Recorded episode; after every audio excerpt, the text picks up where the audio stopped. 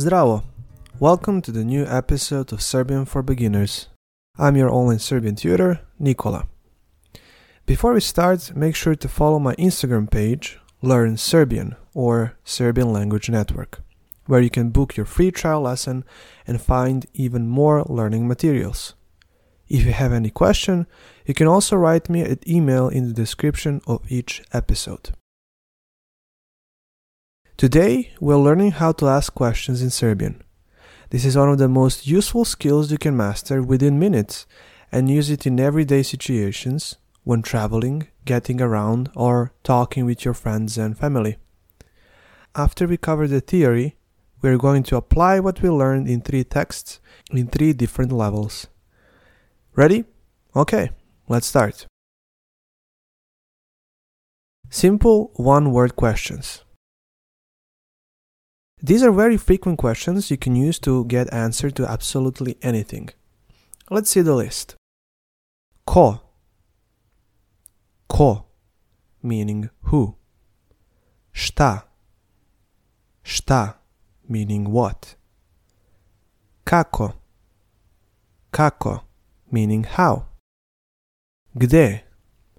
Gde, meaning where. Zašto zašto, meaning why.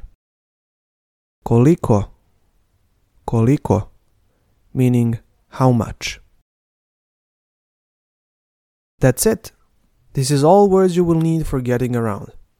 Be careful not to mix zašto with zato što. The second word means because, and it's common mistake to mix these two. With this list, all of your sentences can be consisted just of one word. Of course, it would be better if we could expand those sentences. Let's take a look at some basic interrogative sentences. Kako se zoveš? Or kako se zovete? Meaning, what's your name? Koliko imaš godina? Or koliko imate godina? How old are you? Gde živiš? Or gde živite? Where do you live? Kako si? Or kako ste? How are you? Ko je to? Who is that? Šta je to? What is that? Koliko košta? How much is it? Gde je? Where is? You've probably heard some of these before, right? That's because these sentences are quite frequent and you can use them a lot. Try mixing them with the stuff you already learned to say in Serbian. Now, let's take a look at the syntax of interrogative sentences. How to make a full sentence when asking questions. Using da li. This is the most common, the most standard and polite way to ask a question in Serbian.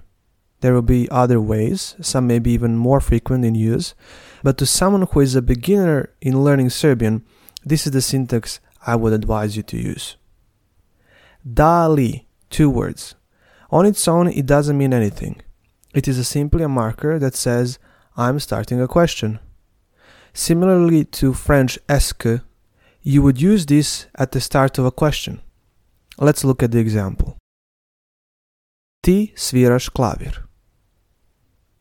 And the question, da li ti sviraš klavir? Ti si učenik. And the question, Da li si ti učenik? We have a starting sentence and a question we made out of that sentence. In the first sentence, there is an action involved. The person you're talking to plays a piano. Therefore, when you make a question, it will be pretty easy. You just put da li at the start and copy the whole starting sentence. But if we take a look at the second sentence, we can see that in it there is no action involved. Therefore, we need to do an inversion. We switch the places of the first two words, subject and the verb to be. ti si becomes si ti. English language does this as well. You are a student compared to are you a student. However, unlike in English, in Serbian, this will only happen if there is no action involved in the starting sentence or interrogative sentence. There you go. Those are some basic skills for making a question in Serbian. If you would like to practice and do exercises, you can message me on my Instagram page and apply for the full course. Now, let's take a look at some texts in three different levels, from most simple to more complex. Pay attention to syntax of making questions that we covered so far. Be sure to read the transcript that is provided below the each episode on the Buzzsprout website because it will make more sense when reading and studying grammar. Level 1 Mama, šta radiš? Odmaram. Zašto? Zato što sam umorna. Tata, šta ti radiš? Ja pričam sa dedom na telefonu. Gde je on? On je u bašti. Zašto?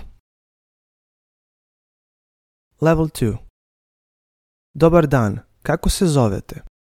Dobar dan, ja se zovem Petar Petrović.